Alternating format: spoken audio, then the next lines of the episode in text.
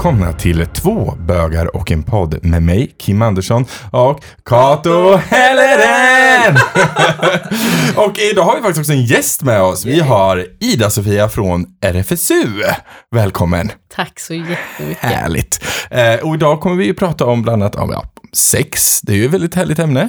Eh, och lite er verksamhet och vad det kommer handla om. Det är ju jättespännande. Så häng med!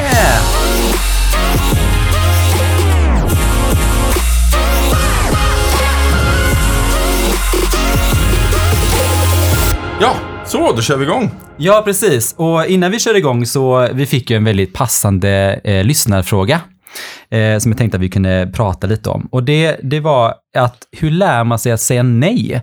Alltså många, eh, alltså tjejer och kvinnor lär sig ju liksom att säga nej när det kommer till sex och så, men den här killen undrar, hur säger man nej som kille? Har ni fått den frågan någon gång, liksom så här, tänkt lite på det? Det är ju en jätte, jättebra fråga. Eh, generellt så har vi ju jättesvårt att säga nej. Mm. Vi säger ganska sällan nej i sammanhang överhuvudtaget, alltså Mm. sociala sammanhang, för att vi har, vi har väldigt svårt för att säga Mm. nej. Till exempel om man säger, men vill du hänga med, vill du hänga med, på bio? Och så kan man inte det, eller man känner inte för det. Så säger man också så ja, ehm, men... så jag ska säger- fundera på Ja. den. Så man säger inte ens nej, Nej. även när man liksom menar, menar nej. Eh, så det är ju jättesvårt i vanliga sociala sammanhang och kanske extra svårt när man kommer till sexuella sammanhang. Just det. Är det, Eh. är det väldigt svenskt eller är det liksom generellt mänskligt beteende, tänker man? Det har jag inte Nej. någon vidare För jag kunskap tänker så här, vi om. svenskar är ju väldigt dåliga på konflikter. Vi gärna vill ju inte ta dem, tänker jag. Så jag tänker att det, det känns som en väldigt typisk svensk grej att bara, ja, nej, kanske, men, mm, vet inte. Ja, Ja, det kan ja, vara så. kan vara så. Vet inte, vi, det. Jag läste, Om ni vet som lyssnar så kan ni hålla till. jag läste någon artikel just om det, att vi har väldigt svårt just för att säga nej. Att vi säger ja fastän att vi säger Mm. Nej. Och då är det ju lite knepigt. liksom. eh, så det är verkligen någonting som man behöver träna på, tänker jag. Eh, och det handlar ju också mycket om att man kanske tar ansvar för den andra. Man vill kanske inte att det ska Just bli det. Mm. eh, konstig stämning eller sådär. Och då Mm. försöker man liksom eh, undvika det, Mm. helt enkelt. För jag har vänner som jobbar mycket inom skola och då var det en av mina vänner som sa det att eh, de, för jag frågade dem lite när jag fick den här frågan och då sa de det att eh, de hade gjort så på sin skola att de, de delade på tjejer och killar och så hade de övat, alltså tjej och tjej och kille och kille och faktiskt säga nej och då var det så lite rollspel. Att de, ja men kom igen nu då, gör det här och så bara, nej men jag vill inte. Att man övade på det i, liksom i tidig ålder och jag tror att det var väldigt bra. För jag kommer inte ihåg att jag fick öva på det och jag, som sagt, jag är också jättedålig på att säga nej. Man vill ju inte vara en tråkis liksom. jag är med på allt. Ja, men det tror jag är jättebra, just att få, få öva. Mm. Eh, så. Och också för att känna, men kunna identifiera också så här, men hur känns det? Känns Precis. det här ja eller känns det här nej? Mm. Eller känns, Mm. det, känns det kanske? Och det handlar ju också mycket om hur det känns i, i kroppen. Ja. Och det kan ju också skifta. Mm. Liksom. Det kanske känns jätte, jätte ja först och sen så känns det lite så här nja, Mm. och Mm. sen så kanske nej. Och sen så kanske man avvaktar lite och sen så kanske det känns lite, lite ja igen. precis. Sådär. Ja. Eh, så att också lära sig att känna, men hur känns, Mm. hur känns jag liksom, i, i magen och kroppen eller Mm. huvudet? Eh, så, och, Mm. och känna igen där.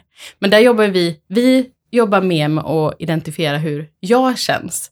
Eh, för det är ju ganska mycket, i alla fall som ni sa när det, när man, när det kommer till tjejer, Mm. eh, så pratar man ju också väldigt ofta om att man ska lära sig att säga nej. Eh, men vi, vi på RFSU jobbar med ett lustbejakande perspektiv Mm. och den positiva delen av människors, eller så här, Mm. vilken positiv inverkan eh, sex och relationer har i människors liv. Just det. Så vi är ju med för att man ska lära sig identifiera vad som känns ja. Mm. För vet man vad som känns ja, så vet man också vad som känns kanske Mm. och vad som känns nej. Det är jättebra. Det är Så. jätte, jättebra. Mm. Verkligen. Eh, så det, Mm. Det tränar vi. Det- jag gillar det. Lustbejakande, det tyckte Ja, jag. Mm. ja men jätte, jättehärligt. Men vi har ju en, verkligen en, en eh, eh, för när jag ringde dig och pratade lite med dig så, så var ju du, den första frågan du ställde till mig att vad, vad tror du att RFSU står för? Eh, och jag hade ju någon koll sådär. Men kan inte vi bara gå igenom vad RFSU, RFSL och RFSL Ungdom, vad de, vad de står för? Så att våra lyssnare vet. Precis. Och du är inte den enda som blandar ihop oss, så det är, därför jag, det är därför jag brukar börja där.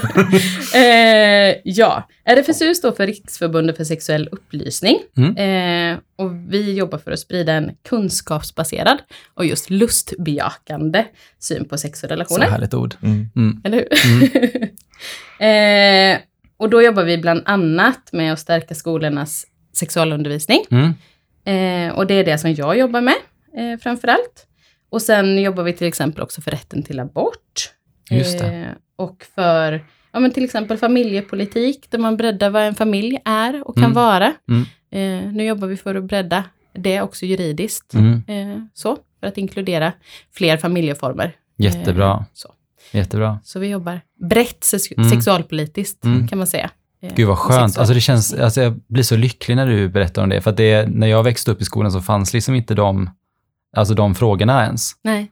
Så det, det känns verkligen... Ja, alltså jag menar, när jag, ja, precis, när man växte upp, jag Mm. hade ju inte en tanke om att ja, men, ha en, två pappor eller två mammor eller Nej. vilka nu familjeförhållanden kan se Mm. ut. Det fanns ju inte på tal, det var ju liksom en mamma, pappa, barn liksom.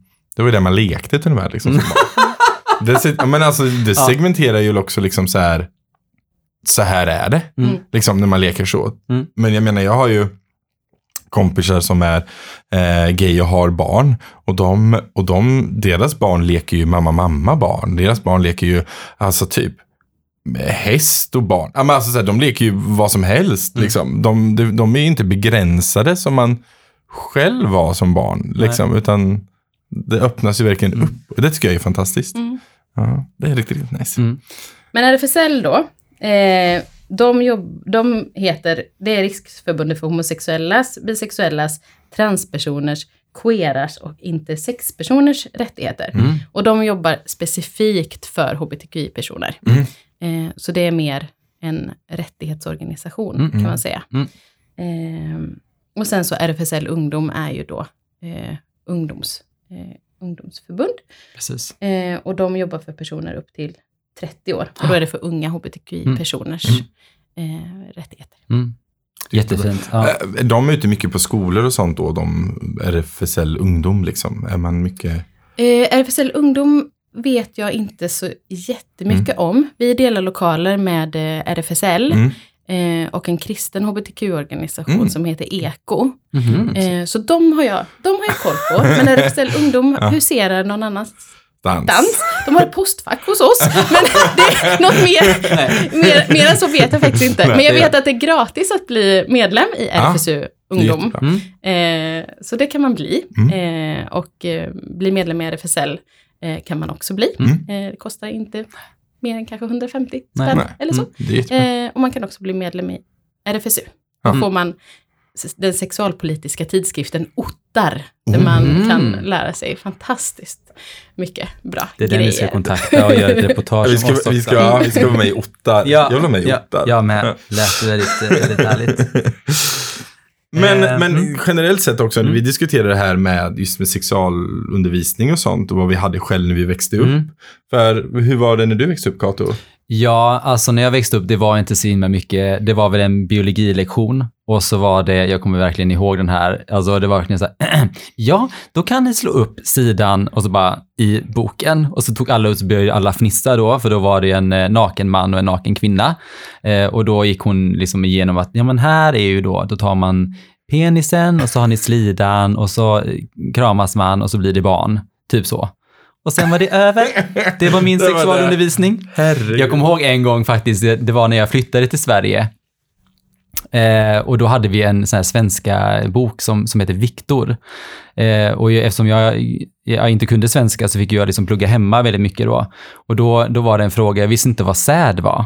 Och då frågade mamma så här, mamma, mamma, vad, vad är sär för någonting? Och då kommer jag ihåg att hon satte sig ner och bara så här, ja, alltså när, när mannen, jag bara, ja men mamma det vet jag, men alltså jag undrar vad, alltså säd, som vete och korn och sådär, men vad är säd? Och hon bara, äh, aha, okej! så, man, så man vet ju ganska mycket fastän man är ung. Det är alltså så. Man tar ju reda på mycket idag också, Ja, tycker jag. mm. Alltså så. Ehm, vi hade ingen alls. Jag har ingen minne av sexualkunskap i min skola överhuvudtaget. Men gud. Eh, men däremot så har jag en extremt öppen familj. Eh, så vi har ju pratat om allt mellan himmel och jord när jag växte upp. Liksom. Så för mig har det aldrig varit konstigt att prata om sex i min familj. Så jag har liksom aldrig riktigt haft det här behovet av sexualkunskap i skolan i alla fall. Eh, men jag vet att jag hade ingen. Alltså ingen alls. Och jag vet så här efteråt, och det är väl lite därför jag idag känner så här, gud jag skulle vilja utbilda folk. Alltså så här, jag skulle vilja underhålla, alltså så här, komma ut i skolor. För att jag tänker att det är så många skolor som kanske har lärare som ska ta upp ämnet, men de är inte bekväma att ta upp ämnet. Lite kanske för att jag tänker så här att om man, om man är lärare och man har en klass som man jobbar med och helt plötsligt ska man ta upp någonting som kan vara lite pinsamt. Men ska du, när du är klar med hela sexualundervisningen då ska du ju fortsätta ha den här klassen fast i andra ämnen och då kanske det blir lite jobbigt. Och då tänker jag så här, men då kan man få komma in där och liksom få göra sin grej. Det hade varit fantastiskt. Då är du ju informatör för RFSU, som du ska bli. Det är Jag ju, känner att det är dit jag ska gå. Alltså. Se mig, dig framför mig så här, du vet, du bara oh my god, nu ska vi prata om sex med de här kidsen. Yay! De bara, och jag, de ska få lyssna på mig. Det är jätteroligt. Du kan verkligen se dig vara så det, det är precis det. Det är precis det vi gör. Är det det? Ja. Jag, eh, jag ringer er sen. ja. men, eh, nej, men det är rätt intressant, för jag har en, jag har en kompis som, jag har liksom testat på det här. Nej, men jag har en kompis som sitt exjobb när jag pluggade på universitetet var så att hon ville göra om sexualundervisningen i skolan och göra om det till en temavecka liksom. Eh, så hon, eh, så då, då körde hon olika teman olika dagar och man gick igenom ord och vilka ska vi ha begrepp ska vi använda oss av tillsammans och hela den biten. Jättepedagogiskt, det var jättebra. Och då var en av de dagarna hbtq och andra så här eh, olika typer av eh, sätt att leva och vara. Eh, och då fick hon så mycket hat. Eh, och då, då jag fick komma in och, och representera lite att det finns olika typer av människor. Liksom. Och efter det fick jag lite blodad tand. Jag var lite så här, det här, det här skulle jag vilja göra. Liksom. Det var riktigt kul. Men det ger ju mycket tror jag. Ja, Mm. men också vara ganska neutral i det. Det behöver inte vara så, jag tycker, personligen tycker inte jag sex är en så stor grej. Jag tycker att det är väldigt naturligt. Man ska kunna prata om det i väldigt naturliga former. Men en sak där som vi gör som jag tänker också underlättar att prata. För du sa det kan vara att lärare är obekväma att Mm. prata i det. Eller prata om det.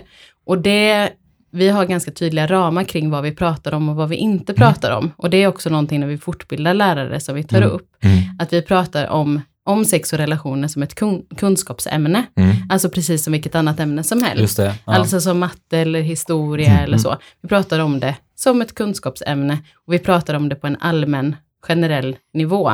Vi pratar, vi pratar inte om våra, alltså som informatör pratar man Mm. inte om sina egna erfar- eventuella erfarenheter eller upplevelser eller så. Och eleverna ska inte heller prata om sina Nej.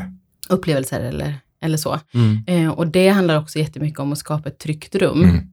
Eh, för det kan ju vara att man känner liksom där i stunden att man kanske vill dela med sig av någonting. Men sen kanske inte det känns så bra efteråt. Mm. Eh, och vi är bara där liksom i, i två timmar. Mm. Och då kan det vara känna så här att det är jätte, jätte, jättebra stämning och det Mm. känns som liksom tryggt och bra. Men sen så försvinner ju vi och då kan, Ja. kan det vara att man liksom ångrar. Precis. Så Precis. därför säger vi Mm. att man inte pratar om sig själv. Vi, Nej. och man pratar inte heller om någon annan i någon annan klass eller någon kompis eller sådär. Mm. Ehm, och det är också sånt som man kan ha med sig som lärare, just att man pratar på en, eh, på en allmän nivå. Mm. Eh, och det kan underlätta. Men sen tänker jag också, som du sa Kato, att, att när man pratar så här diffust, liksom, att man säger och så kramas man och så blir det barn. Det är ju, det är ju jätte, det kan ju bli riktigt eh, tokigt. Tokigt. För jag vet också, men just så här, kanske, men just vuxna som försöker förklara så där och så förklarar de ändå inte. Och då kan det bli att, att barn eller unga blir så här rädda för att krama varandra, liksom, Ja. för, att, för att det skulle kunna bli barn. Barn. Mm. Man bara kramar man och Jag bara, oh my god. Så där är det också jätteviktigt. Alltså vi pratar jättemycket om att man måste vara konkret. Ja. Man kan inte prata liksom i symboler eller, Nej. eller så här diffust, utan man måste prata om det man pratar om och Ja. vara konkret. Mm. Och vi använder oss mycket av bilder och liksom så också för att verkligen så här, ja, men men visa så att man förstår vad man pratar om. Tänk om man hade använt samma sak i typ matte så här. Ja, och sen sätter du ett och sen använder du någon symbol och sen en tria och då blir det typ fem. Ja, Äh, precis. Folk bara, vad hände där liksom? Ja, nej, men eh, Ja. det är det, det gäller ju att vara konkret och kommunikativ. Jag tänker att så är det ju med allt. Alltså speciellt med det här också, speciellt om man ska lära sig att ja, kunna säga ja och också kunna säga nej. Liksom, då måste man också veta vad det är man säger ja och nej till så man känner sig bekväm med den informationen och vad som finns där. Det tänker jag är ju jätte, jätteviktigt. Men gud så, ja, intressant. Men berätta, hur, hur kommer det sig att du började jobba på RFSU? Ja, men jag tänker att jag alltid, liksom, eh, ja, men sen jag var ganska liten sådär, och gick på mellanstadiet, har gått igång när det har varit så här orättvisor. Mm. Alltså då har jag blivit skitarg och liksom så här, ah, så. Mm. Eh, och det har följt mig ganska mycket, så här, ja, men genom, genom livet, Mm. vad, jag har, vad jag har gjort och vad jag har engagerat mig i. Mm. Och det har liksom, jag har bara gått på lust, Mm. alltså hela tiden. Mm. Eh, så här, ja, men det här är roligt, det här vill jag, det här är jag sugen på. Mm. Liksom. Eh, och då har det handlat jättemycket om rättighetsfrågor. Mm. Alltså jag har jobbat med, jobbat med unga och så här, elevdemokrati och hur unga Mm. kan få mer att säga till om. Och, eh, jag har jobbat med jämställdhetsfrågor och, och sen så till slut så jag har jag också jobbat som kurator på ungdomsmottagning. Mm. Eh, och där handlade det också liksom om att eh, stötta. När jag satt på ungdomsmottagning så, så, så kände jag väldigt ofta att jag bara så här, men det är inte dig det är fel på, det är ju, det är ju strukturerna. Mm. Alltså det är ju liksom så här, det är ju samhället. eh, så därför känns det bra att jobba där jag jobbar nu, för Mm. nu kan jag jobba liksom eh, på något sätt både med, både med individer och grupper och, Mm. Och med strukturer. Eh, så jag får allt, allt på en gång. Ja, men att det är kul att veta så här, hur man hamnade där man hamnade. Och det är Ja. verkligen så här, jobbar man med de här, för vi får också lite frågor om det. Eh, till exempel en kille då som vi, som vi rekommenderar att eh, höra av sig till RFSL Ungdom. Och nu så var det att eh, eh, han bara, men jag tror inte att den personen bryr sig om mig, utan det är bara ett jobb. Och då sa jag det att, men jag tror att om man har ett sånt jobb, så vill man göra skillnad för någon för att det är oftast att man har kanske haft en liknande situation och man vill stötta och göra världen bättre eh, än vad man hade det själv när man själv var liten till exempel. Så. Mm. Det är lite därför också vi, vi gör den här podden. Mm. Att det är så att jag vill någonstans kunna nå ut till 11-åriga Kato och säga att det är inget fel med dig, Mm. du är fullt normal. Mm. Så. Men nu är det en annan värld vi Mm. lever i och någonstans så, eh, men bara att man ska känna att man är inte ensam i det. För det var precis det som jag kände mig när jag var så pass ung, att jag var, kände mig väldigt ensam. Att det är ingen annan som har de här tankarna som jag har, men det är väldigt många som har det. Mm. Så det är lite därför. Mm. Men eh, samarbete med skolor och så, hur, hur går det? För att vi gjorde ju, vi kollade på ny- nyligen en sån här liten eh, undersökning som de hade gjort eh, i QX. Mm. Och då var ju Göteborg är ju i topp när det kommer till rättigheter för hbtq-personer i Mm. Sverige. Mm. Men det vi faller mest på, det är i skolorna. Eh, lite med information och sånt. Så hur, hur jobbar ni med samarbete med skolorna i dagsläget? Vi jobbar med, alltså de som vill att vi kommer, de kontaktar oss. Mm. Eh, och då ser det ganska olika ut. Antingen är det för att det är lärare som är superintresserade eh, och tycker att det är jätte, jätteviktigt Mm. eh, och vill att vi kommer på grund av det. Mm. Eller så är det för att de typ inte har någon sexualundervisning alls och blir så här i maj när de liksom, när terminen börjar ta slut så bara Ah, vi har inte haft någon sexualundervisning, kan ni komma? så. Eh, och så är det, det är inte egentligen så som det är tänkt att, att funka, utan Nej. vi, att det kan inte vara att man tar dit oss och sen så har man bockat av sexualundervisningen. Nej, nej. Eh, för så som sexualundervisningen ser ut nu i skolan så är det faktiskt så att det nästan är integrerat i, i varje ämne i princip. Alltså man ska kunna prata, då, då pratar man om sexualundervisning i, i, ett bredare perspektiv. Mm. Men det, det finns med liksom i, eh, i matten så kan man ju Mm. ha liksom, statistik eller sådär Mm. kring, eh, kring olika saker och historien, samhällskunskapen, hemkunskapen. Alltså det finns olika skrivningar Mm. eh, om man tänker på det brett i, i alla ämnen. Mm. Eh, så dels så ska man jobba i enskilda ämnen. Man ska också jobba ämnesövergripande, alltså mellan ämnen. Så här, kanske bilden och svenskan gör någonting tillsammans Mm, på, om sexualundervisning. Mm. Eh, och sen så kan man också ha enskilda tillfällen så här, Mm. vid- med temadagar eller sådär. Just det. Och det är där vi kommer in då, Mm. som ett sånt enskilt tillfälle. Mm. Och det som är bra, det vi ändå kan, då sitter ofta läraren med i rummet. De brukar lära sig jättemycket. De bara, oh. ja. Vi, vi brukar säga att de inte får, att de inte får, de ska sitta med, men de får inte ställa massa frågor, för Nej. ibland så kan de sitta med och ställa jättemycket frågor. eh, men eh, då, då är det ett sånt liksom enskilt tillfälle, och det som man kan göra då kanske är ju just att de kanske ställer andra frågor än, än de gör till sina, eh, till sina Just lärare. Så där finns det såklart ett egenvärde Mm. också. Eh, Hur, hur inkluderar man alla då i, alltså, för när jag som sagt fick sexualundervisning så var det ju bara man och kvinna och Mm. de kramas, Mm. sen blir det barn. Jag kände mig inte representerad där. Hur, hur gör ni liksom när ni ska, när ni är ute? Ja, men vi brukar börja med att vi eh, gör brainstorm kring vad kärlek är. Mm. Eh, och då så, så här, eh, ja, så här, vem kan man känna kärlek till eller vilka kan man kär, känna kärlek till och försöker liksom bredda kärleksbegreppet. Mm. Och då för, försöker vi få med alla olika Mm. sexualiteter, men också att man kan känna, eh, och där är det också till exempel viktigt att få med heterosexualitet som Mm. en sexualitet. Mm. Eh, så att man inte tar det liksom som något för givet. Heterosexualitet är ju också en sexualitet. Ja, Ja. precis. Eh, så. Eh, men Alla också- brukar glömma den va? Eller Ja, ja, men verkligen. ja, man och kvinna har väl Eh, så. Eh, men också att man kan känna kärlek till, till många. Liksom. Mm. Där kan ju också till exempel eh, Gud dyka upp. Mm. Eh, att man kan så, på Mm, en brainstorm. Eh, och där kan det vara viktigt också att höra. I början så kanske en del, det är en ga- ganska sekulär organisation, liksom. i början om någon som Gud så kanske vi, så här, god, eller så, här, så, Mm. så kanske man inte ens uppfattar det. Så där handlar det också om att liksom, Mm. eh, ha en bred förståelse Mm. av kärlek till Mm. Ja, men exempel. Eh, men sen breddar vi också sex då, sexbegreppet, vad Mm. det är och kan vara. Eh, och då försöker vi komma bort från ja, men penetrationsnormen kan man väl Mm, säga. mm. Eh, och vad som räknas som sex eller vad som inte räknas Mm. som sex. Eh, och prata ganska mycket utifrån att det som räknas som sex är det som man själv tycker räknas Mm. som, som sex. Mm. Mm. Och sen pratar vi inte heller om eh, vi pratar också om att man kan ha många eh, sexdebuter. Mm. Alltså här, första gången man hånglade med någon, första gången man kanske så här, eh, ja, men hade, hade smeksex, eller Mm. första gången. Att man har många första gånger. Liksom. Eh, också för att ta bort lite det här från någon specifik sexuell praktik. Just Alltså det. ett Mm. sätt att Mm. ha sex Mm. som, som sätt. Som räknas. Som Alltså, räknas, ja. precis. Som tar oskulden, i citationstecken här, Mm. ni som Mm. inte... Ja, precis. Ja. Eh, så då, då breddar vi. Mm. Men sen så gör vi också att vi pratar om eh, vi pratar om person med fitta och person med kuk. Mm.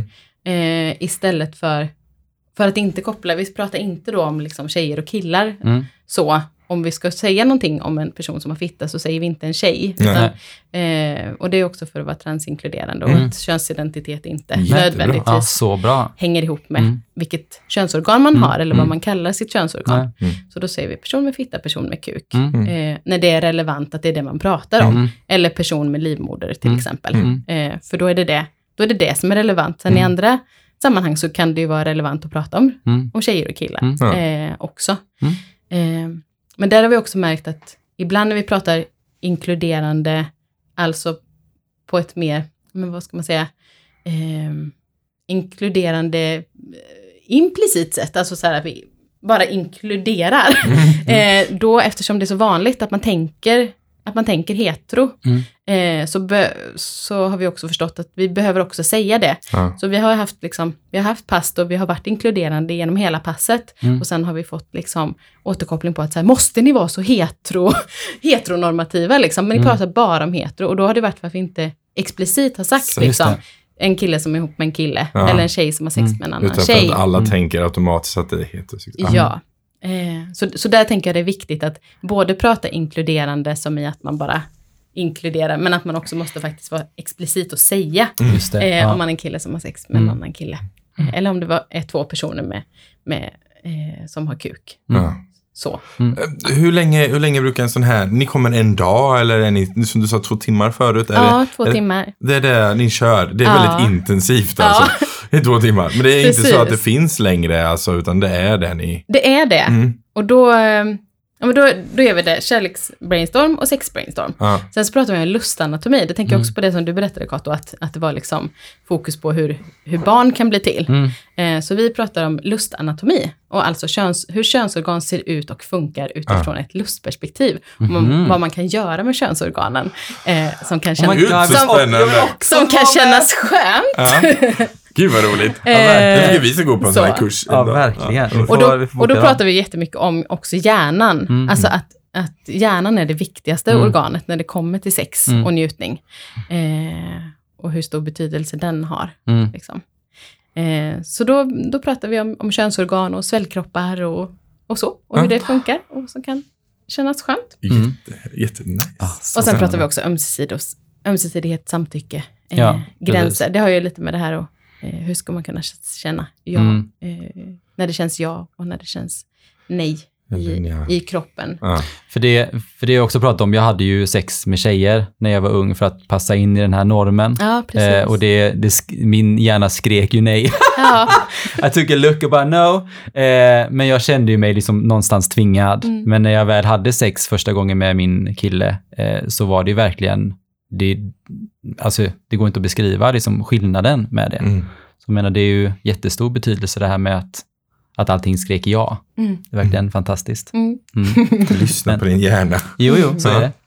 Eh, men jag, jag, jag, jag, alltså jag såg också att Göteborg har ett eget hbtq-råd. ja, Kan du berätta lite om det? det är ett eh, hbtq och det består av lite olika personer. Där finns eh, RFSL, tror jag, eh, Mm. representerade. Eh, vi sitter också med det, både civilsamhället Mm. eh, och, eh, och kommunen. Mm. olika representanter. Eh, och det är just för att bevaka hbtq-frågor Mm. eh, i, i kommunen, i Mm. staden. Eh, så att man liksom inte glömmer bort Nej. det perspektivet. Eller att det ska komma, komma som något add-on i efterhand, Nej, liksom, som det kanske kan bli, utan Mm. att det ska vara eh, integrerat. Så det handlar om att liksom bevaka att För perspektivet Precis, för vi håller på och kollar nu med eh, Sveriges största eh, arbetsgivare och håller på liksom att ringa runt lite och kolla hur de jobbar just med eh, hbtq-frågor Mm. och ha ett, eh, ha ett litet avsnitt om det. Mm. Och då är det väldigt många som är så här, ja, nej, ja, men det var ju Roger som hade hand om det och det var ju tre år sedan och ja, för han var ju själv, eh, ehm, jag bara, homosexuell? Ja, precis. Mm. Så det är många som kanske driver de här frågorna Märker du av det med till exempel skolorna, de som kontaktar dig? Är de själva hbtq eller är det så här, är det, har de någon annan liksom så här läggning som gör Alltså, att de inte så- drar i det? Liksom? Det är inte så vanligt kanske att de, att de säger, att personer som kontaktar säger vad de har eh, för läggning. Men det som är tydligt är ju att de ofta har ett brinnande intresse för sexualundervisning och Ja. tycker att det är viktigt. Eh, så där kan jag känna igen att det står och faller Mm. med, liksom just Personen. person, Ja. med, med personen Mm. och det personliga intresset. Och försvinner den eller försvinner de här eldsjälarna så kanske det, kanske det försvinner. Precis. att man inte har liksom ett systematiskt arbete. Det är rektor som är ytterst ansvarig för sex Mm. och samlevnadsundervisningen. Det är, det är inte alla rektorer som känner, Nej, till, nej. känner till det. Eh, och att det verkligen kan vara så att det står och faller med några. Mm. Eh, eller att elevhälsan drar ett jätte, jättetungt lass. Mm. Fastän att också varje enskild lärare eh, i ganska stor utsträckning ska ha det i sitt eget Just ämne. Ja. Man gärna det nu är liksom... integrerat med varandra ämnen, alltså i, Ja, eftersom det ska precis. vara övergripande då. Ja, Mm. precis. Eh, så det, det känner jag verkligen igen. Mm. Men just det där att man på något sätt som hbtq-person ska ta ansvar för sina egna, liksom, för sina egna Mm. rätt, det, det är ju ett väldigt konstigt sätt att Ja, se på det. Ja, men, det men det är inte ovanligt. Nej. Men jag tänker så här, när ni är ute och har era, era föreläsningar eller undervisningar. Eh, ni, ni, du sa det, man pratar inte om sina egna erfarenheter utan man pratar i ett kunskaps. Men nämns det, pratar man om om sin egen sexualitet överhuvudtaget? Nej. Nej. Så att eleverna där vet inte om, om den som står där framme är eh, gay eller är liksom straight eller så. De har Nej. ingen aning. Nej, okej. Och det, det- spelar i grund och roll inte så, så stor, alltså det gör egentligen inte så mycket, tänker jag. Nej, jag bara tänkte säga igenkänningsfaktor. Alltså Ja. hade jag stått och det varit en, en homosexuell man där framme, då hade Mm. jag kunnat känna att ja, men det finns andra som mig liksom. Mm. Mm. Eh, men, men sen ska det ju vara inkluderande för alla och då så blir det väl väldigt snedvridet antar jag om det bara Mm. är. Precis. Men däremot kan vi ha sägningar, alltså som att man liksom nästan ikläder sig rollen av alla möjliga olika så här. Om, om man är en tjej som har sex med en annan tjej, om man är en kille som Mm. har sex med en annan kille, om man, eh, em, så här, om man har flera, flera relationer, Mm. om man, alltså sådär, så kan man liksom säga ge så här, ja men massa olika eh, alternativ. Just det. Om man har haft eh, oskyddat sex och behöver testa sig, om man, alltså hela tiden Mm. liksom ge alla de här så att, Mm. så att alla personer i rummet kan känna igen sig. Just det. Mm. Eh, om man har haft sex, om man inte vill ha sex, om man aldrig, eh, om man bara vill, om man bara, om man har sex med sig, om man bara har sex med sig själv, Mm. alltså säga, liksom ge alla de här olika eh, alternativen, eh, så att alla i rummet ändå kan känna att man pratar Mm. till. Men det är jättebra. Till just den. Mm. Mm. Så man känner sig inkluderad. Jättefint. Ja. Eh, vad gör dig extra glad? Så här, vad ger dig ett lyckorus med ditt jobb? Ja, men det är nog just när folk säger att de har lärt sig någonting av, Mm. av någon annan. Att Mm. de så här, eh, men får perspektiv på saker eller så här, får aha-upplevelser. Mm. Så, som känns som att, de, att det vidgar liksom deras, deras eh, värld Mm. eh, och, och syn på saker. Mm. Eh, och vidgar också handlingsutrymmet, Mm. tänker jag. Liksom.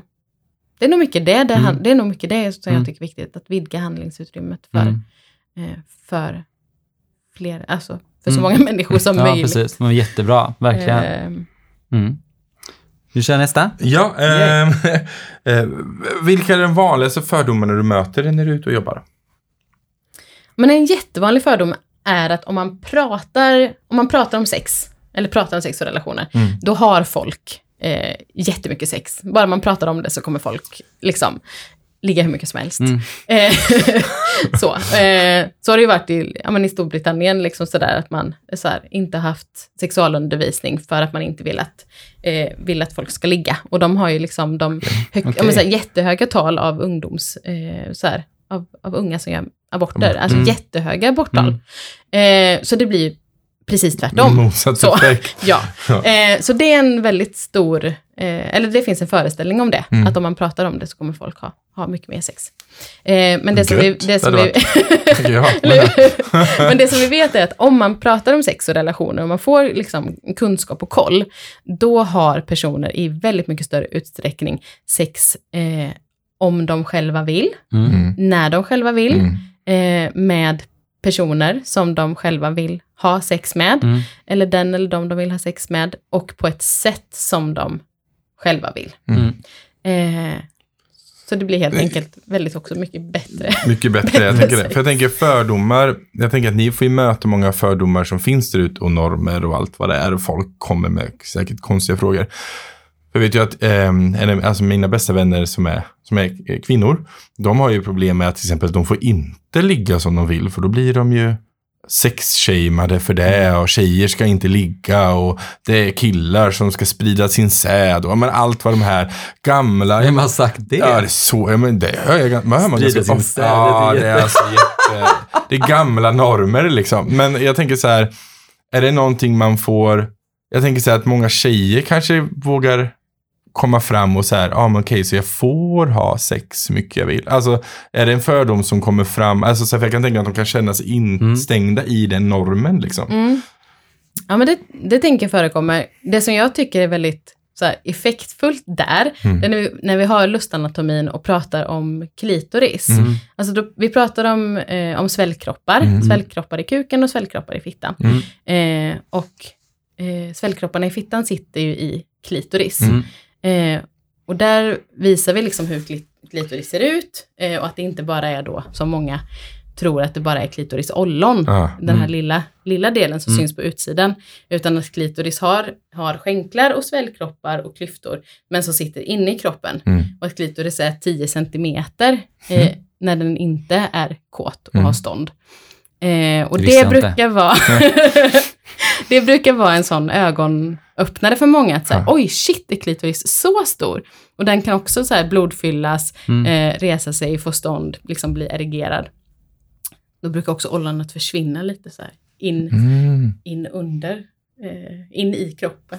Eh, Så- och och bara, bara det att, att liksom prata om att klitoris liksom är nästan lika stor som en penis. Ah. Eh, bara att få den kunskapen tycker jag också gör någonting med, med människors föreställningar Mm. om sexuell lust. Mm.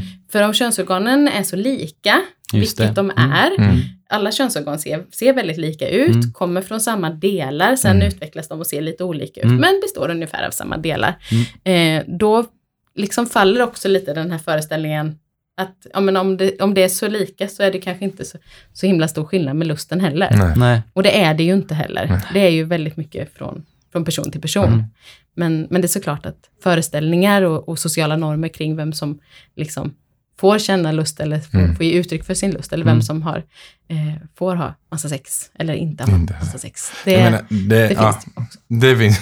Det är så bra. jag hade ju den, den sommaren jag och min bästa vän då, vi hade en tävling för jag ville få henne att våga. Så jag var så här, okej den här sommaren ska vi, den som har legat med mest personer den här Oh sommaren my slutar ha god, du vann så mycket. Vi behöver inte gå in på vem som vann. Men hon hade en fantastisk sommar. Hon Ah, tyckte det var kul. skitkul. Hon var jätteglad att vi inte sexshameade hela den grejen. Utan Mm. att det var så här, nu har vi kul. Mm. Och nu har, det har inte så mycket med vem du är och vem jag är. Utan nu går vi ut i sommar och raggar på liksom. Gud vad roligt. Så lustar oss. Ja. enkelt. Mm. Och det, men där finns det också jättemycket normer. Och det finns också normer om att man ska ha sex kanske vid Mm. en viss ålder. Eller så. Har man inte haft det så är det också konstigt. Så det finns ju liksom Mm. ytterligheter. Det kan ju också vara att man inte intresserad av sex överhuvudtaget. Eh, eller kanske inte med en annan person. Nej. Eller att man gärna vill ha relation men inte, inte, är, inte är så sexuellt Asexuell. intresserad. Precis. För jag har, det har jag en kompis som är. Mm. Asexuell. Mm. Eh, och han är inte dugg intresserad. Och han bara, men en relation kanske. Men jag är inte så intresserad av sexet liksom. Och det är väl fine. Och det kan också vara så här att man kanske inte vill ha sex förrän man har gift sig. Ja. Så här. Och det, Mm. Men där finns det också lite starka normer. Man ska ju gärna ha eh, sex vid en, viss, vid en viss ålder och sen Mm. så ska man ju ha några relationer. Och sen Ja, så ska man ska hitta man- någon och så ska man vara gift Man och med ska, en man ska, person. man ska. Så är det. Ja. Och, så, så, och sen är man eh, gay och som varit ute i gay två Mm. år och sen har man brutit alla de normerna. Nej men jag, nej, men jag har ju en, en eh, kompis, en tjej som, som är, eh, eh, hon vill ju ha sex men inte förhållande. Och många av hennes vänner är så här, ja men någonstans så vill du ändå så ha ett förhållande. Och hon bara, nej men nej, jag vill bara ha sexet. Och det är väldigt svårt för killarna också och man tänker så att de skulle tycka så här, men gud vad bra det här är, men då, till och med de blir väldigt confused. de bara, nej, när frågar du när vi ska gifta oss? Bara, men ja, nej, jag vill bara ha din kropp. Inget annat. Inget annat. Jag vill lusta mig Ja, med dig. precis. Ja. Så det, det är ganska också Nej, så här finns eh, skönt liksom, att det finns lite, ja, likadant liksom. Att det ska kännas helt okej. Men det är ju Eh, också som du sa förut, att, men just den här föreställningen också om att eh, om en kille kanske inte lär sig att säga nej. Mm, Där finns det ju också liksom, eh, fördomar eller föreställningar om att killar ständigt ska vilja, ständigt vilja ha sex och Mm. ständigt vara kåta och Ja, aldrig mm. säga nej. nej. Eh, och den är ju också, eh, det är också en föreställning som ställer till det jätte, Ja, gud ja. Ja, verkligen. jättemycket. Mm, Verkligen. Eh, och där ser man ju också, vi har sexualundervisning eh, med fokus också på, på maskulinitet och maskulinitetsnormer. Mm. Eh, och där är det ju, alltså killar generellt är ju också väldigt mycket sämre på att ta hand om sin Mm. egen hälsa. Alltså så här att, att våga söka hjälp, att veta när det är dags att söka hjälp. Alltså Mm. när ska jag vända mig någonstans? och just var det. vänder jag mig då? Mm, Och också mycket större utsträckning att man inte le, liksom letar information på relevanta eller bra eh, bra ställen och bra sidor. Eh, Just det. Så, så det är också någonting som man, men det är också någonting man behöver träna på. mm. Eh, För det vet jag ju själv också när jag berättar just det här med att när jag, när jag hade, för jag hade ju min sexdebut var ju väldigt tidig, jag var ju 13 och det är ju jättetidigt. Och det var ju också att om jag hade sagt nej så hade de fattat att jag var gay. Så hade jag övat på att säga nej så hade jag kanske hållit mig jättelänge.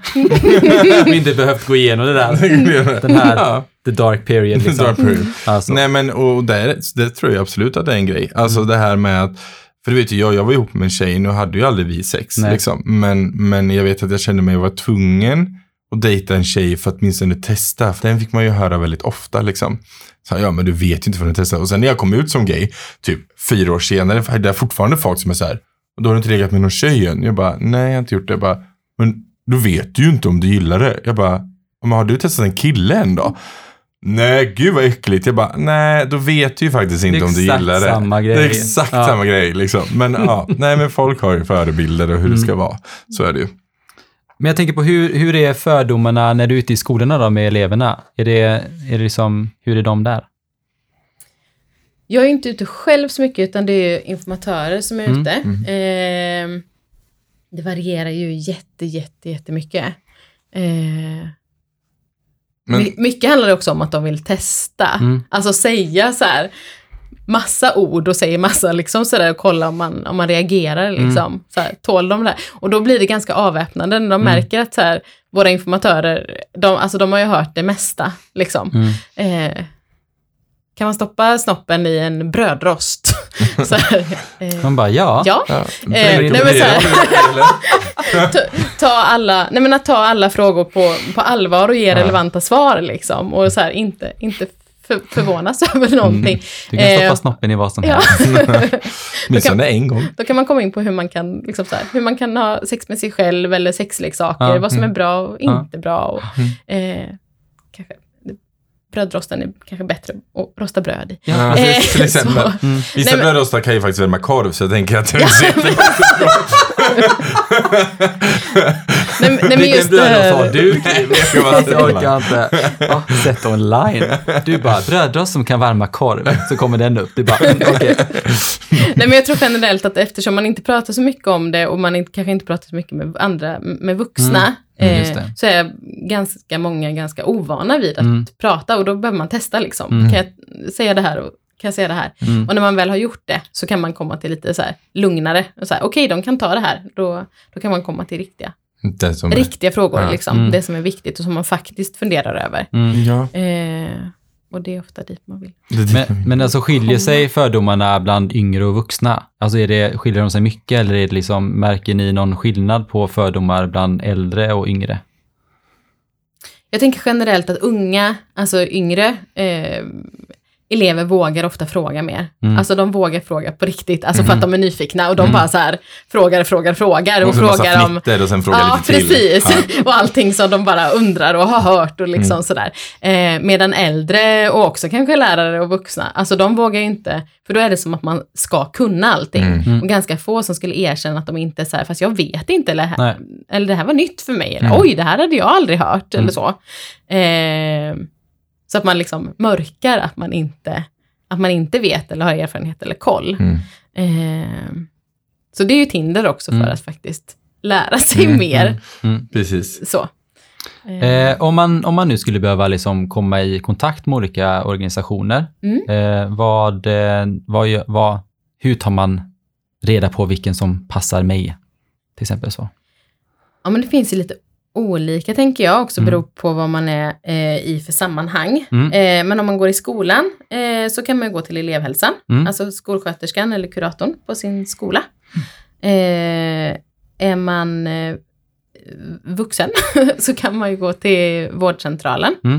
Eh, där kan man både testa sig och få samtal. Kan vara lite knepigt att få samtal. Mm. Eh, så för att de inte har så jättebra med resurser. Eh, man kan också gå om det är att man har eh, saker som gäller jobbet. Alltså Ja, till exempel om man har en arbetsplats eh, eh, som inte tar ansvar eh, vad gäller hbtq. Mm. Eh, det är så här att alla ska ha samma, samma rättigheter på jobbet och inte bli Mm. utsatt för så här, diskriminering eller Mm. kränkningar eller Mm. så. Eh, så kan man prata med sitt arbetsmiljöombud Mm. på arbetsplatsen. Eh, man kan ju också kontakta företagshälsovården. Just det. Eh, men där är ju liksom chef, chef ansvarig för att ta hand om, Mm. alltså ta tag i sexuella trakasserier. Det ska man också ha planer för hur man, hur man gör det. Precis.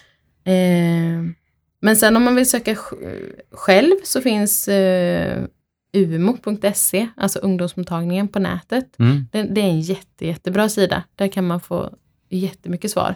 Både om, eh, om kroppen och om relationer och om sin psykiska hälsa.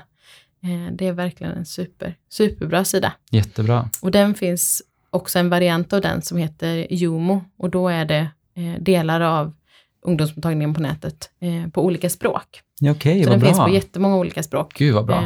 Så oavsett vilket första språk man har så kan man, kan man få information. Jättebra. Mm. Men sen finns ju ungdoms, vanliga ungdomsmottagningen Mm. också, eh, som man kan vända sig till. Mm. Eh, och det är gratis att gå dit. Mm. Och det finns ju både eh, barnmorskor, det kan finnas eh, sjuksköterska eh, som också kan ta tester. Eh, ibland finns det läkare. Det. Ibland finns det androloger, alltså som har, har koll på, eh, på kukar Mm. och eh, den hälsan. Mm. om man har en, en sån kropp. Mm. och sen så, eh, ja, men, ja, så, så ungdomsmottagningen. Och där kan det vara bra att veta att ofta så behöver man inte gå till den som är närmast. Nej. Utan man kan liksom gå till vilken ungdomsmottagning som helst. Ah, just det kan det. vara en sån bra Mm. grej att, Vet det. att ha med sig. Eh, Jag tänker på det eh, om man är liksom, som, som jag vet själv när jag gick till eh, vårdcentralen som, som gay, fick jag ju möta väldigt eh, problematik där. De, var, de frågade varför, om jag var en sån och eh, det var massa konstiga frågor jag har fått. Eh, om man känner sig inte trygg med vårdcentralen, vi säger att de inte, för vissa vårdcentraler hoppas ju att alla vårdcentraler är hbtq-vänliga och duktiga på det, men alla kanske inte har resurser eller kan, eller det finns, vart, då kan man vända sig till typ Ja, RFSL. ja precis. RFSL har ju en eh, testmottagning som heter Mm. Checkpoint. Just det. Eh, Mm. och den är för män som har sex med män Mm. och transpersoner. Eh, och där är det personer som själva personer som har sex med män eller transpersoner Mm. som testar. Ja. Eh, och där kan man få eh, gratis HIV-test med snabbsvar. Ja. Eh, så det kan ju vara en, en trygg plats. Där har de också ofta personer som har, eh, som, där man kan få ta test med, med språkkompetens också, Mm. att man kan få på Ja. olika språk. Finns det någon möjlighet Ja. att samtala där också? Eller är det mest bara test? Checkpoint är bara test. Mm. Eh, sen har man liksom ett samtal kring, om man vill, så, alltså kring hur, hur man har sex och, Mm. eh, Mm. och liksom kring, eh, kring, kring kanske risker och test. Alltså så här, och hur man kan testa och tänka Mm. kring det. Så, Mm. så att man får eh, bättre förutsättningar att ta hand om sin egen sexuella Mm. hälsa. Men där är man också helt anonym, kan vara bra att Ja, det är Ja. jättebra. Mm. men sen könsmottagningen på Sahlgrenska eh, är också bra. De är hbtq-diplomerade. Eh, och det kan också vara bra att veta när man kommer till en testmottagning, eh, om det är en bra testmottagning, eh, så frågar de ju också ofta eh, på vilka sätt man har haft sex. Mm. Och det kan ju kännas lite konstigt kanske, att man börjar fråga, men så här, va? Ska jag berätta om det? Var och hur? Och Mm. om jag har ha- så här, haft sex i analen eller Mm. i, om jag har använt munnen eller om Mm. jag har använt Mm. någon annan kroppsöppning. Eh, men det är ju för att man ska veta vad man ska testa. Mm. Eh, Så att man tar rätt tester. För om man tar liksom eh, ett blodprov kan man testa vissa saker, men eh, är det sånt som är på liksom, eh, lokalt på vissa ställen så måste man, måste man testa i munnen. Mm. Om man, för då kan det vara att man har, eh, att man har det i munnen Mm. och inte, alltså då kan man inte testa i analen Nej. om man har haft eh, Precis. Nej. munsex. Eh, så det kan vara bra att veta varför man Mm. ska svara på de Mm. frågorna. Det är för att man ska ta relevant, Därför är det att jag fick, när jag, när jag kom till Göteborg så fick jag ju den frågan när jag gick ner och skulle testa mig. Och då var de så här, ja men har du, och jag var så chockad för jag var så här, wow, du bryr dig inte om vad jag har för sexuell läggning. Utan du frågar bara så här, är du- väldigt sakligt liksom. Mm. Och det var så gött. Liksom, för då visste man så här, ja, du, du lägger ingen värdering i vad jag gör. Nej, det är ganska skönt. Det är väldigt Mm, bra. Verkligen. Så. Och om man är upp till 30 då så, så hör man av sig till RFSL Ungdom. Om man behöver liksom råd, kurator och sånt också. Ja, de har inte så mycket sån verksamhet i Göteborg vad jag vet i alla Nej. fall. Men eh, då, är, då är det faktiskt RFSL. Okej. Eh, RFSL i Göte- Göteborg har en kurator och där Mm. kan man gå eh, från 13 år Mm. och uppåt. Mm. Eh, så då är det dit man ska, eh, ska vända sig. Då är det stödsamtal och krissamtal. Eh, Vad bra. Så, så det finns. Mm. Eh, Kan de hjälpa till med typ så par, alltså hbtq-par och sånt också? Eller är det bara individ, individuellt? Nej, jag är nästan säker på att det också kan vara eh, relationer. De har ju också så familjegrupper och så för Mm. hbtq-personer. Okej. Eh, och också mm, separatistiska grupper för Mm. transpersoner. Mm. Mm. Eh, så det kan man kolla på Jätte- RFSL Göteborgs Vi kan gå dit som par. Ska vi gå dit? Två bögar och, och ett par. Går Precis. dit. Så, men nu, nu kommer vi Ja. till en väldigt rolig Ja, men fråga. grejen är att ni har ju också en verksamhet som eh, heter Sexperterna. Ja, det är också RFSL, Det är RFSL. som har, som har sexperterna. Ja. Eh, och de har, eh, de är ute på klubbar och pratar eh, säkrare sex. Mm, På klubben. Och pratar Medan kondomer. folk festar liksom. Ja, precis. Ah. De har någon, Jätte- jag tror att de har en van som de brukar ställa utanför. Jaså? Gud vad kul. Eh, och de har också att de skickar hem eh, kondomer som man kan få. Eh, och de har ett super, superbra lager med alla möjliga olika storlekar och eh, eh, färger och former och olika. Eh, Va, vad är den vanligaste kondomen då? Vilken är den som alla vill ha? Alltså den vanligaste i RFSUs sortiment, Ja. eh, RFSU AB eh, tillverkar ju kondomer. Eh, det är mycket de kondomerna, eller den försäljningen som gör att vi kan hålla sexualundervisning och sexualupplysning. Mm. Eh, så köper man dem så stöttar man också vår verksamhet. Vad bra. Eh, Gör det. precis. Och då är den vanligaste, alltså då är liksom Volvo, Volvo-kondomen är väl profil. Eh, Volvo-kondom. ja, Det här är jätteroligt. den Volvo-kondomer. var, Mm. det är den vanligaste. Det vanligaste. Ja. Skoj. Ja. Nej, för hur hittar man rätt i kondomdjungeln? Jag, fick ju, jag, vet, jag vet ju bara när jag besökte sjuksyster så greppade man lite kondomer när hon tittade bort. Och det var både svart och röd och liksom vit och man hade ju ingen aning om någonting. Så hur, hur hittar man rätt liksom? Ja, men det som är- är viktigt att tänka på är ju att det ska vara en som känns bra. Mm. Alltså precis som kläder ska sitta bra liksom, och passa olika, olika kroppar, Mm. eh, så, så behöver man liksom hitta en kondom. Eh, Det finns olika, liksom, olika kondomer för olika snoppar. Mm. Eh, så det, man, kan te, man får testa sig fram helt enkelt. Eh, Borde kunna köpa Dels- ett paket med en av varje. ja, men det finns också. Det finns det? Ja, Men- finns faktiskt. Alltså så, oh my god. Så här, Ja. Testkondom. Gud, vad gamla vi är. Ja, jag vet. Eh, för det kan vara att det är olika former eller om man vill ha med eller utan glidmedel. Eh, det kan vara vissa är liksom är lite tajtare. Mm, just Eh, det. eh, det kan del, alltså det kan ju också vara en sån där sak som om man lätt förlorar ståndet så kan Mm. det vara bra att ha en tajtare kondom. Eh, Just det. för att då så stryper man liksom blod, Mm. blodtillförseln lite Det grann. bra. Det kan vara bra. Eh, men sen också kan det vara olika för, så här, ja men grande till exempel är större framme vid ollonet om man har ett Mm. större ollon. Så att det ska, man ska hitta en kondom som känns bra och som känns skön. Liksom. Det känns ju någonstans att man går in i affären och bara, jag tar de största kondomerna du har. Mm. och så får man sådär bara, oj den här var inte så bra. Där, vad tog den vägen?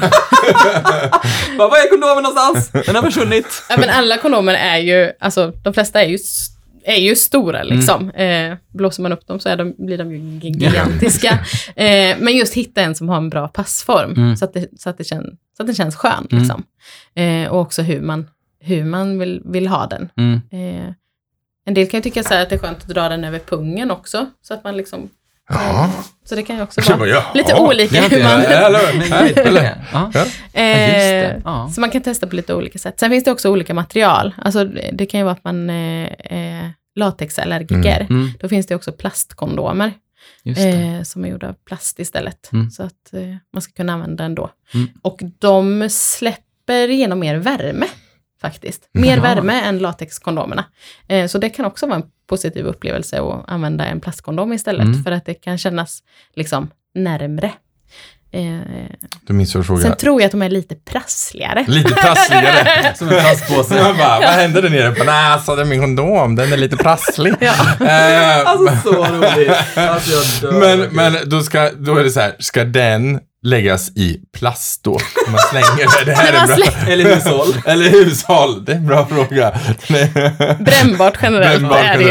generellt. Bra. Jag tänker bara, men det är ju saker i när man slänger dem. Så att kanske matsopen. Organiskt. Ja, jag orkar inte. Ja, herregud. Okej, nu vart jag varm. Ja, jag med. Ja, herregud. Eh, men gud vad kul att eh, få, eh, få lite inside om det.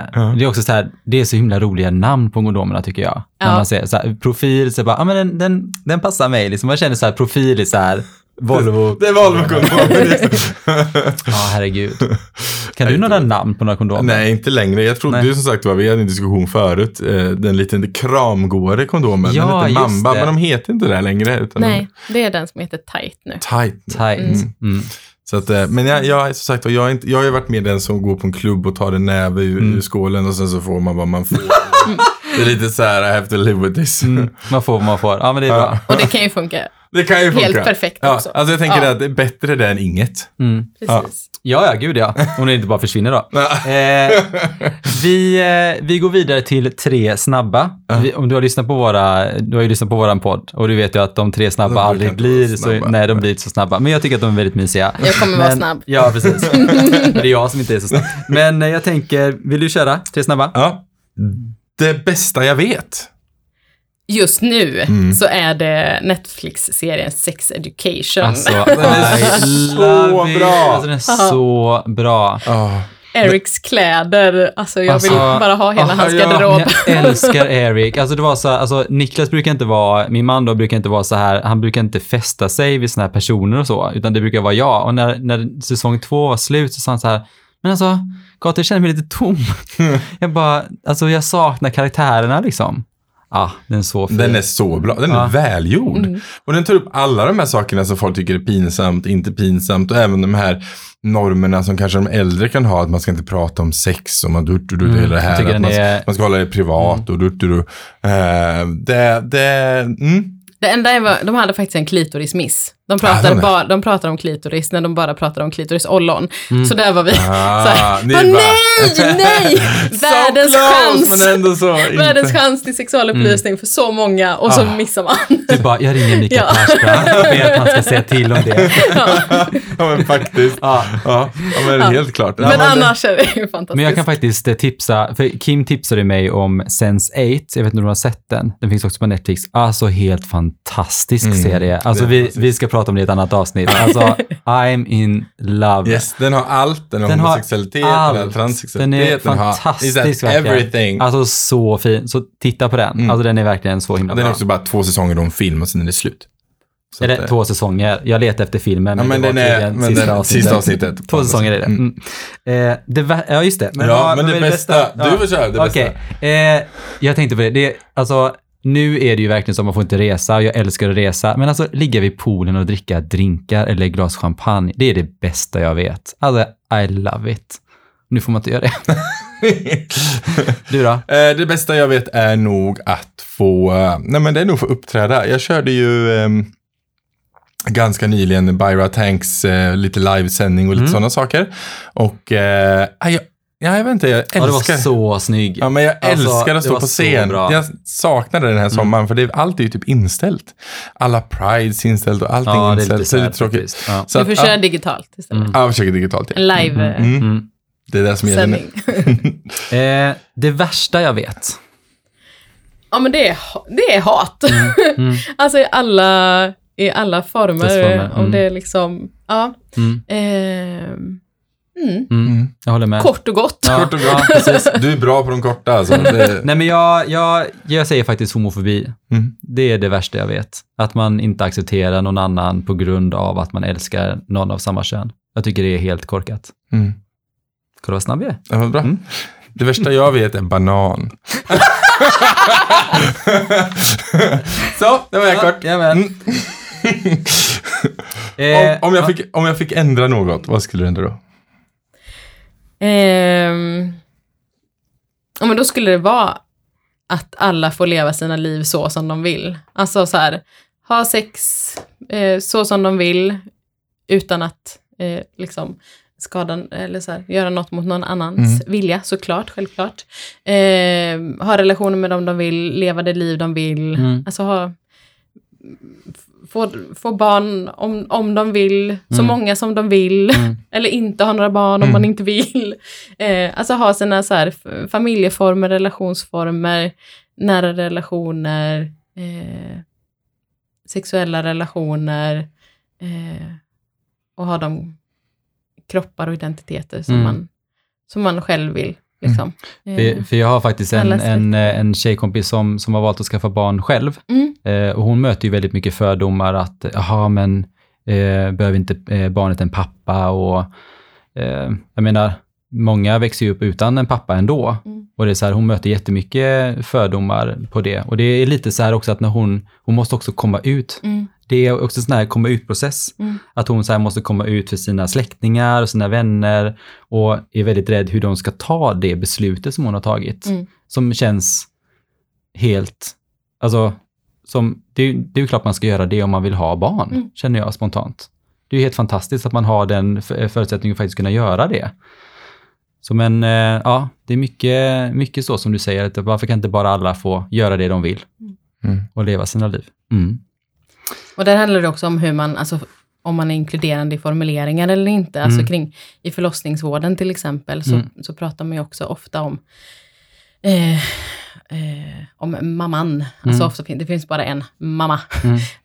pratar om mamman istället för att till exempel kanske prata om den födande. Mm. För i det sammanhanget det. är det ju relevant att det är en person som föder. Mm. Eh, och den kanske har en roll och sen så Mm. kan det finnas en, en medförälder eller partner eller en, en till mamma eller Mm. om det är flera föräldrar. Mm. Men också just att prata om det som är relevant just i den situationen. Mm. Det kanske finns en som är födande och en som inte föder. Mm. Och sen om det är, liksom en, om det är en stödperson eller medförälder Mm. eller flera. Det är att prata om det man liksom menar Mm. också för, och för att kunna inkludera flera. Mm. Och Det är som, så bra. som är själv förälder som har skaffat barn på egen hand så, Mm. så finns man ju liksom inte riktigt med i de, i de skrivningarna. Nej. Eh, Mm. Så, så det är ju, det är ju jätte, jätteviktigt. Mm. Om jag fick ändra något så skulle det vara att, eh, att kärlek får vara kärlek oavsett vem man väljer att älska. Mm. Att kärlek är lika mycket värt oavsett. Mm. För det är det för mig, men inte Mm. för alla. Nej, Mm. definitivt inte. Du då? Att du älskar banan? Att du, att du tyckte om banan? Jag önskar att jag älskade banan. Ehm, nej, men ni har ju nämnt de här sakerna som är väldigt viktiga för mig själv. Liksom. Det här med, med att eh, man ska få älska vem man vill, man ska få lusta med vem man vill Mm. och hur man vill och på vilket sätt man vill och ingen ska döma en för det. Liksom. Ehm, att man ska kunna få vara sig själv Mm. Ehm, och inte behöva leva i någon slags leva i någon slags eh, eh skådespel av vad andra vill att man ska vara. Något som jag kan hata att höra är eh, andra människors press på kvinnor att skaffa barn. Mm. Det är något som jag kan bli så fruktansvärt irriterad på. För att de som vill ha barn, great for you liksom. Men jag känner så många, jag har så många tjejvänner som säger, men jag vill inte ha barn. Men det enda de får höra, speciellt, nu är jag ju 33, så de är ju runt min ålder, det är ju det de får höra nu liksom. Ja, ah, men tänk på att skaffa barn innan det är för sent. Du kommer ångra dig. Så här, men de vill inte. Och jag tycker det är så frustrerande för att det måste vara sån press på dessa kvinnor i mitt liv som känner att de blir intvingade i fack de inte vill liksom. Mm. Så att, ja. Och alltså jag och Niklas får ju också höra, jag tror att det handlar om när man, när man gifter sig så blir det den automatiska frågan som man ställer är någon. Så här, nästa steg Ja, liksom. men så här, ah, ska ni skaffa barn nu? Och så blir det så här, nej, alltså, vi kan ju inte, alltså det kostar oss jättemycket att skaffa barn och sen vet man inte riktigt om man får det i slutändan eller eh, det är så här, det är ju jättemycket som kommer upp i tankarna. Det är ju inte bara så här, jajamän, det ska vi göra. Och det kanske är också att man, eh, man inte vill eller man inte kan eller att man sådär. Så, men jag fick jättemycket, jag får fortfarande den frågan hela tiden, men nu ska ni väl ändå så skaffa barn? Ja, alltså när en man fyller 40 så blir det ännu svårare för att Mm. skaffa barn liksom. Och det är ju ännu svårare om du är homosexuell och 40 och skaffa barn. Så att det är ju nästan noll.